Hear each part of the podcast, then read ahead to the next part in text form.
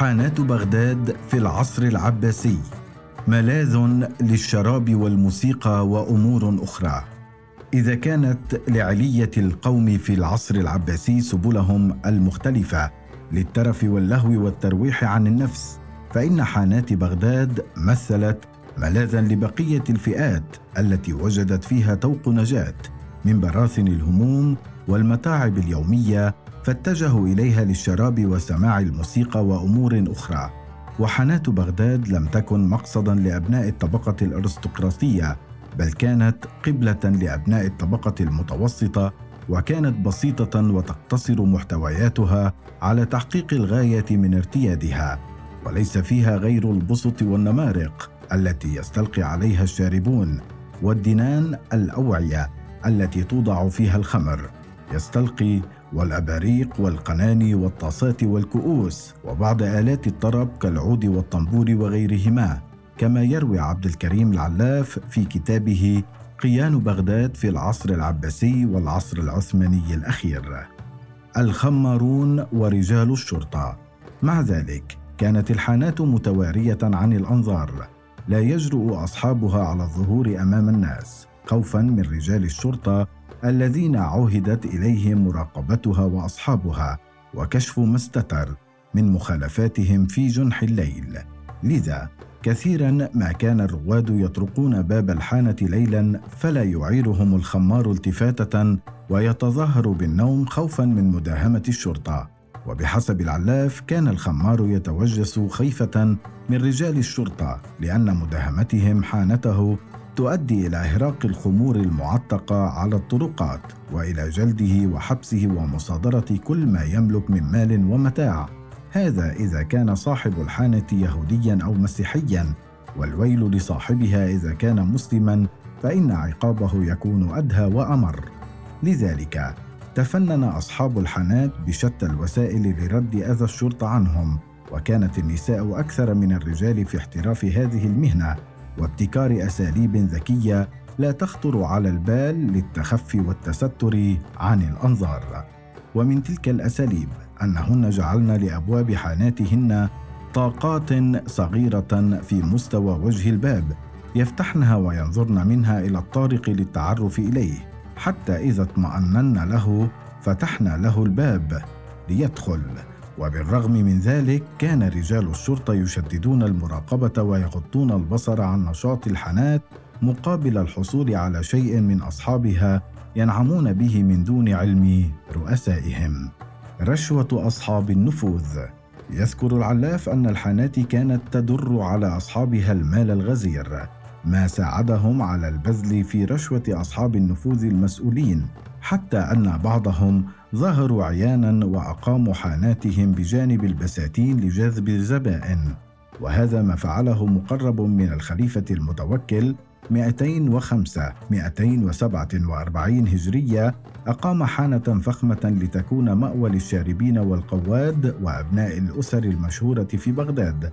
فلم يكن يسمح لأحد من العامة بالدخول إليها والتمتع بملذاتها. وأعد فيها كل ما يلزم للشرب ليرضي زبائنه واتخذ لها خمارا يعرف من أين تؤكل الكتف حال بعلاقاته دون قيام الشرطة بواجبها خاصة أن كثيرين من كبار بغداد أغرموا بهذه الحانة وكانوا يتوافدون إليها ليلا ونهارا.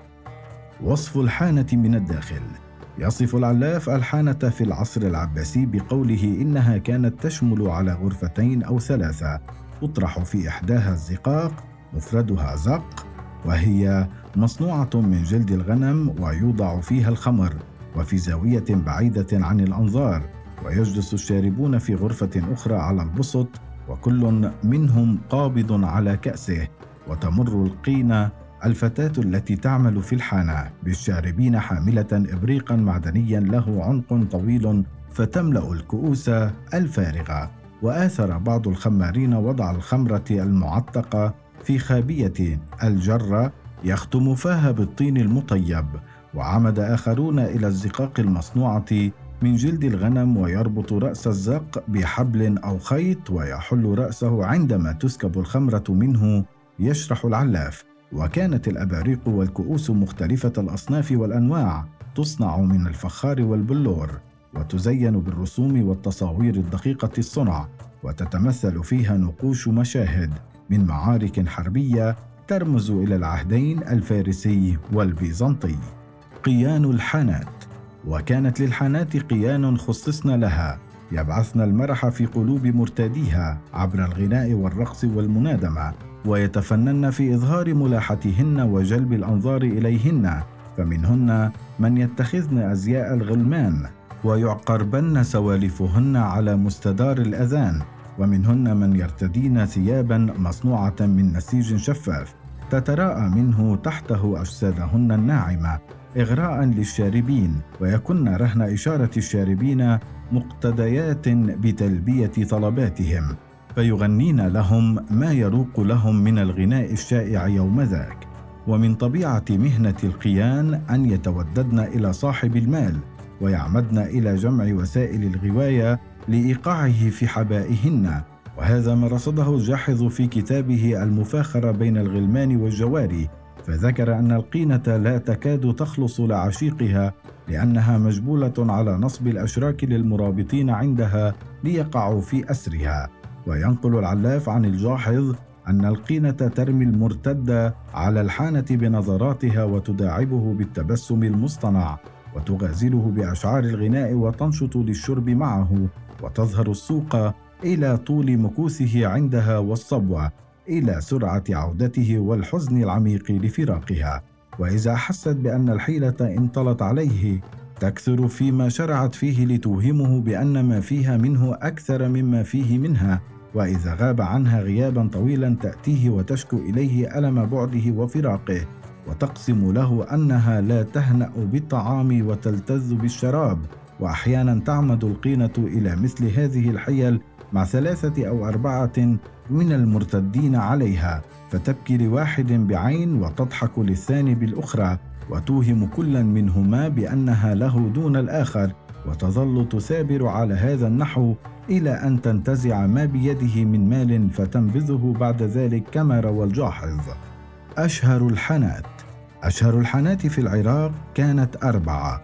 ذاعت أخبارها على ألسنة العامة والخاصة وتناقل ذكرها الشعراء ومدحوا سقاتها وخماريها. يذكر الدكتور خير الله سعيد في كتابه أوراق بغدادية من العصر العباسي. ولأبي نواس الكثير من الشعر في هؤلاء الخمارين. وهذه الحانات هي حانة طيزنباذ وأشهر خماريها يدعى سرجس. ثم حانة قطربل وكان خمارها ابن ذنين. وكان من الذين يخدمون بكياسة ولباقة وأشهر من نزلوا عنده أبو النواس وأبو الشبل البرجمي وله فيه أشعار. هناك أيضا حانة الشط وكانت في عقار للخليفة الواثق بالله 200 و 232 هجرية إذ عرفت عنه أنه كان يحب المواخر فأنشأ حانتين إحداهما في دار الحرم والأخرى على الشط واختار لها خمارا مسيحيا ماهرا من أهل قطربل وجعل الواثق حانة الحرم للنساء وحانة الشط للرجال ونقل إليهما طرائف الشرب وفرشهما من فرش الخلافة وعلق عليهما الستور وجعل فيهما الأواني المذهبة وأمر بإحضار المغنين إليهما روى سعيد. والرابعة هي حانة خويث وتعرف بحانة بزيع وهو خادم خليفة المتوكل وكانت لا يتعرض لها أصحاب المعاون. أي جبات الضرائب وكان فيها خمار يهودي لا يقدم الشراب إلى أحد من العامة وكانت حانته لنزهة الخاصة والسراتع من الناس وكانت موصوفة بالحسن والنظافة. حانات خارج بغداد. لم تكن الحانات في العراق مقتصرة على بغداد بل تعدت عاصمة الخلافة إلى أماكن خارجها وهي أماكن نزهة محفوفة. بالكروم والأشجار كان يقصدها معاقرون الخمر ومواظبون على اللهو والعبث والدعارة فيقيمون فيها أياما غير معدودة كما يروي العلاف. ومن هذه الحانات تلك التي نزلها أبو نواس عندما أزمع إلى الحج في أحد الأعوام وهي بين الكوفة والقادسية فلما حل فيها وذاق خمرتها تشهى متعها ونازعته نفسه على الإقامة فيها والتسويف في أمر دينه في سبيل دنياه. فتحول عن الحج واستقر فيها يشرب وما زال يحتسي الكؤوس ويداعب القيان بشعره حتى وفد أوائل الحجاج العائدين من أداء المناسك فرجع معهم إلى بغداد وكأنه كان معهم روى العلاف. كذلك كانت في الشام حانتان هما حانة عزاز وحانة هشيمة. حانات حول الأديرة. استغل الخمارون شهرة الأديرة المسيحية بصناعة الشرب فأنشأوا حولها الحانات أيضا مثل دير العزارة يذكر أحمد أمين في كتابه ضحى الإسلام. أن من غريب الأمر أن هذه الأديرة كانت منبعا لشيئين بينهما أشد التناقض إذ كانت مصدرا للزهد والورع والبعد عن الدنيا وشؤونها ومحطا لبعض الزهاد المسلمين. وكانت كذلك مقصد الخليعين من الشعراء والأدباء يخرجون إليها ويتشببون بفتيانها وفتياتها ويقولون في ذلك القول الخليع والشعر الجميل ولأن الأديار كانت غالبا في أجمل المواضع وأحسنها هواء وتحيط بها أنواع البساتين وجد الخمارون في القرب منها مكانا مناسبا لإقامة حاناتهم. وتربط كثرة الحانات في العراق سواء في بغداد أو خارجها في المدن الأخرى بانتشار أنواع اللهو والترف وتعددها في العصر العباسي. وهذا الأمر ارتبط بدوره بمتغير وقت ذاك. يشرح أمين أن العراق الذي كان في العصر الأموي جادا إذ قيس بغيره مثل الشام والحجاز وأصبح في العصر العباسي لاهيا بل محط أنظار اللاهين وسائر الأمصار إنما تقتبس من لهوه ويذكر سببين لذلك.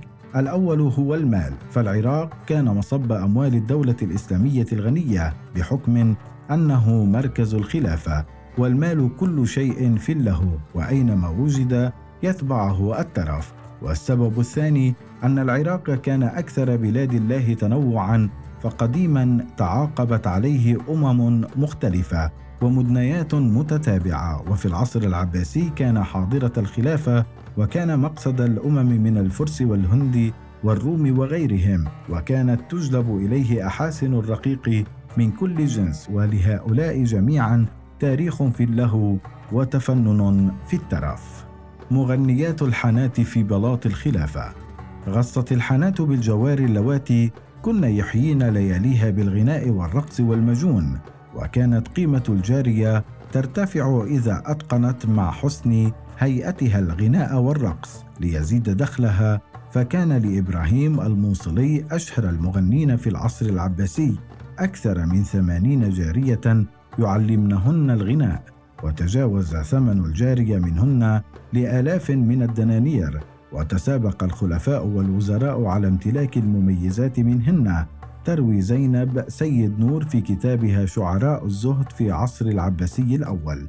وبحسب سعيد برزت في الحانات أسماء كثيرة للمغنيات وتحولنا من العامة إلى الخاصة وصرنا في بلاط الخلافة ودور علية القوم وأصبحنا نساء للخلفاء وأمهات لهم مثل غادر جاري الهادي.